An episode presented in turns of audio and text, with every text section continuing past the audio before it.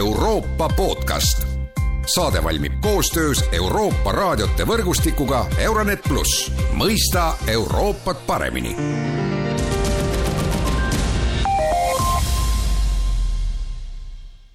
tere kuulama tänast Euroopa podcasti. Ukraina põgenike kriis ei räsi üksnes Eestit, vaid tervet Euroopat kuidas Euroopa Liit tuleb toime Ukraina põgenike tulvaga, sellest on tänases Euroopa podcasti stuudios kõnelemas Euroopa Komisjoni Eesti esinduse juht Vivian Loonela, tere päevast! tere! ja mina olen Erkki Pahovski. no tõepoolest, olukord ei ole ju kiita, et Euroopasse on tulnud neli miljonit Ukraina põgenikku kolmekümnenda märtsi seisuga ja suure tõenäosusega see põgenike hulk üha kasvab, sest sõda Ukrainas ei ole lõppenud ja sellel nädalal siis Euroopa Liidu siseministrid tulid välja kümnepunktise plaaniga, kuidas siis tulla toime Ukraina põgenike voogudega ja Vivian, mida sina sealt plaanist siis kõige tähtsamana välja tooksid? Plaan tõesti katab kõiki äh, teemasid, mis, millega siis riigid peavad tegelema mm, seoses selle suure hulga sõjapõgenikega, kes on jõudnud Euroopasse. kõige olulisem võib-olla, kui me räägime sellest neljast miljonist, pooled neist on lapsed. ja see on selge, et lapsed vajavad spetsiaalset tuge, äh, neil on vaja võimalikult kiiresti kooli minna ja sellega riigid ja seal komisjon panigi välja ka, see on jälle teema, mis ei ole sugugi Euroopa Liidu kompetents, kus me saame aidata ja näidata, mida paremini teha. Poolas ainuüksi on juba üle saja tuhande, sada kolmkümmend neli tuhat last juba käivadki koolis näiteks ähm, Ukrainal on päris hea digitaliseeritud koolisüsteem, see on abiks ja, ja seal äh, plaanis äh, komisjon käibki välja, et mida saab paremini teha, et neid Ukraina lapsi siis hoida nagu tegevuses, pakkuda neile haridust, et nad ei jääks haridusest ilma. teiseks meditsiiniabi. Mm, paljud inimesed, kes saabuvad, vajavad ju on ka tõesti tulnudki pommide alt, vajavad konkreetset ravi, aga ka laiemat meditsiiniabi ja mis siin saab teha, elanikkonna kaitsemehhanism on meil selleks, et katta nende inimeste transferide kulud, ka selleks, et neid siis saata teistesse riikide, kus neid saab paremini ravida. ja kolmandaks, töökohad meil on see ajutise kaitse direktiiv, mis tähendab, et need äh, sõjapõgenikud, kes Euroopasse jõuavad, neist keegi ei ole siin illegaalne, see ei ole selline olukord, nagu me oleme harjunud viimaste äh, migratsioonikriiside ajal nägema, kus inimesed tulevad ja hakkavad alles taotlema kaitset. siin kõik, kes Ukrainast tulevad, nad on ju ähm, seaduslikult Euroopa Liidus, nad, neil on viisa, nad tulevad siia, neile on antud see ajutine kaitse, mis tähendab, et näiteks Eesti puhul, kes selle ta-, nad saavad kohe isikukoodi, nad saavad tööloa, nad saavad minna tööle. aga et kuidas me saame seda veel lihtsamaks teha? meil praegu on ju olukord, kus Ukraina inimesed, nad põgenesid ju sõja eest, paljudel ei ole kaasas õigeid tunnistusi, mingeid sertifikaate oma töökohta, meil oleme siis pannud paika platvormi, mis lihtsustab just seda kvalifikatsioonide tunnustamist ja siis muidugi majutus ja transport, et mis seal kõik teha jälle, et aidata. ja Eesti on selles mõttes saanud ju imetublisti hakkama oma nii suure hulgaga, me räägime üle kahe protsendi meie enda mm, elanikkonnast, mis me oleme nüüd järsku juurde saanud siin viimaste nädalatega, aga aga selge on see, et ka siin on kohti, kus saab paremini teha, et Eesti on näiteks sellesama ajutise kaitse puhul pannud väga selged piirid, et me rakendame neid neile, kes on lahkunud alates kahekümne neljandast veebruarist. aga tegelikult ju olid juba ju varem oli nii selgelt teada, et see sõda algab, et me peame, see on jälle mõtlemise koht, et mida saab paremini teha, kuidas me saame kaitsta neid e, inimesi, kes juba siis paar päeva enne seda sõja reaalset algust või akuutset faasi lahkusid kahe tuhande viieteistkümnendal aastal, siis kui Euroopat tabas eelmine suur põgenikekriis, tuli Euroopa Komisjon välja kvootidega ja noh, mõte oli selles mõttes ju arusaadav, et äh, seda migrantide koormust siis jaotada liikmesriikide vahel võrdselt. ja noh, põhimõtteliselt me seisame täna samasuguse probleemi ees, et äh, kvoote ei tule, aga kuidas see koordinatsioon toimub, sellepärast et on ju selge, et äh, Ukraina naaberriigid, mille seas on ju enamik Euroopa Liidu liikmesriigid pluss Moldova, saavad ju kõige rohkem neid põgenikke ja noh, kindlasti oleksid nad huvitatud, et need põgenikud läheksid edasi. jaa, siin me näeme tõesti jälle suurt erinevust sellega, et need inimesed, kes jõuavad Ukrainast Euroopa Liitu, neil on õigus minna, kuhu nad tahavad, see ongi see ajutine kaitse, nad saavad nagu ajutise elamisloa ja nad võivad valida, kus nad lähevad. mida me näeme muidu, kui me vaatame eriti Poolat, see on ebaproportsionaalselt suur arv põgenikke, kes tahavad jääda Poola, aga see ongi, need inimesed ei ole nõus sealt edasi liikuma, sest nad tahavad olla kodu juures, nende idee on see, et nad on kodumaa lähedal ja saavad sinna äh, tagasi minna, mil vaja. kui ma vaatan veel riike, näiteks Tšehhi, nad on võtnud veel rohkem proportsionaalselt kui Eesti üle, üle kolme protsendi äh, elanikke, äh, üle kolme protsendi nende enda elanikkonnast on tulnud juurde selle kuu ajaga ja laste osas ka täitsa märgiline, et Tšehhil on nüüd selle viimase kuuga või viie nädalaga tulnud juurde rohkem lapsi, kui neil muidu aastas sünnibki, et noh, mõelge, mis see, äh, mis see mõju on nendele kohalikele süsteemidele. aga mida me saame teha, on jah, et üks asi on see, et meil on vaja koordineerimist, et ka põgenikud teaksid, kuhu minna, et nad teaksid, mis nende õigused on, et see, kui sa saad Poolas või Eestis selle ajutise kaitse, sa võid ka valida, et sa lähed edasi kuskile mujal riiki. sul on needsamad õigused igal pool üle Euroopa Liidu. et see on ühelt poolt, et me peame toetama neid inimesi ja aitama neile nagu selgeks saada, mis nendega teha. aga selge on see, et me peame neid nagu siis veenma ka, et nad edasi läheks, kui me räägime Poolast. ja, ja siin käib töö nii Euroopa Liidu teiste riikidega kui ka meie äh, partneritega kaugemalt läänest. Kanada on valmis võtma põgenikke, seal on maailma suurim Ukraina diasporaa, USA, Ühendkuningriik samamoodi, et see, see koostöö nagu kõigi lääne demokraatiate vahel muidugi käib, käib väga tugevalt. aga selge on see, et et meil on ka ühelt poolt on see inimeste veenmine, teiselt poolt, mis me saame teha, on need praktilised sammud. et kuidas me saame jälle äh, teha nii, et oleks üle-euroopaline see registreerimine, meil siin endal Tallinnas on see EULISA, Euroopa Liidu ähm, sisevaldkonna IT-süsteemide agentuur, mis töötabki selle kallal, et luua sellist süsteemi, kus meil oleks äh, ühine platvorm, kus me näeme, kes kuhu on registreeritud ja nii, mis jälle võimaldab nende inimeste edasi liikumist no igasugused äh, inimeste liikumised tekitavad alati ka kuritegevust ja neid inimesi, kes üritavad selle pealt äh, kasu teenida ja üks nendest äh, kümnest punktist, mille siis Euroopa Liidu siseministrid heaks kiitsid, oligi võitlus inimkaubandusega, et kas, kas see, selle kohta on ka praegu mingeid märke näha, et need smugeldajad tegutsevad ja kasutavad ukrainlasi ära? Kahjuks jah, ei ole kurjus kuskile kadunud ka siinpool piiri. et kurb lugu selle juures on see, et juba enne sõda olid Ukraina kodanikud top viie inimeste hulgas, keda Euroopa Liidus inimkaubitseti, kas siis sunnitööle või seksuaalsele kaubitsemisele. ja praegu ka kahjuks on neid signaale inimkaubanduse suurenemisest, meil oli eelmine nädal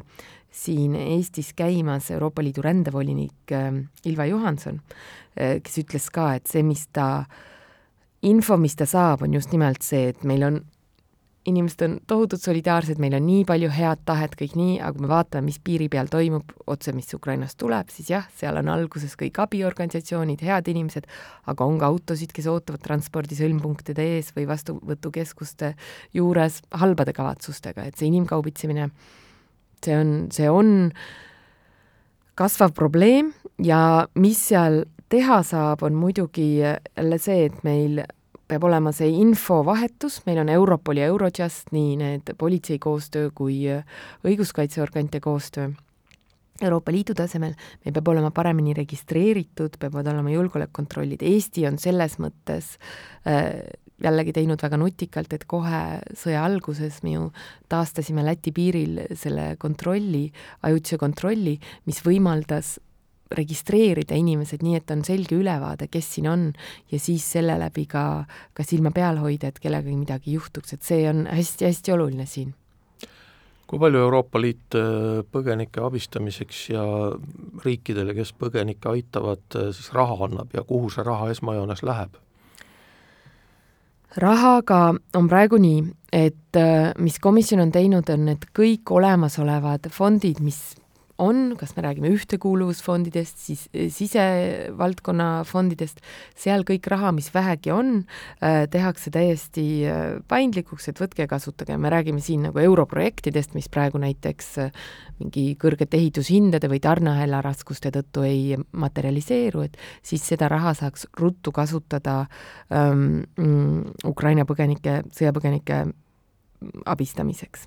üle Euroopa Liidu me räägime seitsmest miljardist, Eesti puhul me räägime palju väiksematest summadest loomulikult. Ehm, nii et see on ühelt poolt see, see, millega tegeldi. eelmisel nädalal võeti vastu otsus ka suurendada eelrahastuse määra ehm, nende riikide suhtes, kuhu on kõige rohkem saabunud, Eesti sealhulgas. aga meil oli ka eelmine nädal ülemkogu Brüsselis, kus siis valitsusjuhid arutasid ja sealt tuli selge suunis, et me peame suurendama Euroopa Liidu rahalist äh, tuge. Ja tegema seda nii, et see erinevate fondide kasutusele võtmine oleks kiire ja bürokraatiavaba, et eks komisjon selle üle nüüd mõtleb, esimesed sammud on tehtud täpselt samamoodi nagu koroonakriisi alguses. võeti need fondid, mis on, kus me näeme, et raha niikuinii praegu ei saa kasutada, sellepärast et hinnad tõusevad, ja öeldi, et võtke, võtke see nüüd, tehke nüüd kõik see kohe selle kriisi lahendamiseks aga selge on see, et seal raha on juurde vaja. üks punktidest räägib äh, solidaarsusest Moldovaga ja noh, Moldova on keerulises olukorras, sest äh, põgenikke on tulnud äh, täna, tänaseks esimeseks aprilliks peaaegu nelisada tuhat ja Moldova on Euro-, Euroopa üks vaesemaid riike, kui mitte kõige vaesem, et kuidas siis Moldovat saab aidata, selles mõttes, et ei, me ei aita ainult Moldovat, vaid tegelikult me aitame ka neid põgenikke, sest on ju ilmselge, et Moldoval endal ei ole neid võimalusi, et sellist inimhulka kuskile nii-öelda elamisväärselt ära paigutada? loomulikult ei ole, loomulikult ei ole, sest Moldova tõesti ongi kõige vaesem riik Euroopas, neil on endal suur julgeolekuhäda ju samuti, aga nemad tunnevad ennast väga ohustatuna praegu sinna tõepoolest on saabunud nelisada tuhat äh, Ukraina põgenikku, paljud neist on ka edasi tulnud Euroopasse, et me praegu räägime vist sellest, et Moldovas endas on kuskil kahesaja tuhande ringis, aga ka see on liiga suur arv sellisele riigile.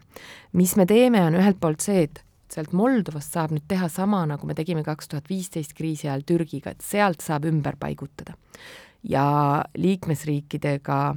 töö käib, komisjon on loonud ka need evakuatsioonikavad, millega saame põgenite, põgenikke ümber paigutada ennekõike siis nendesse riikidesse, kus,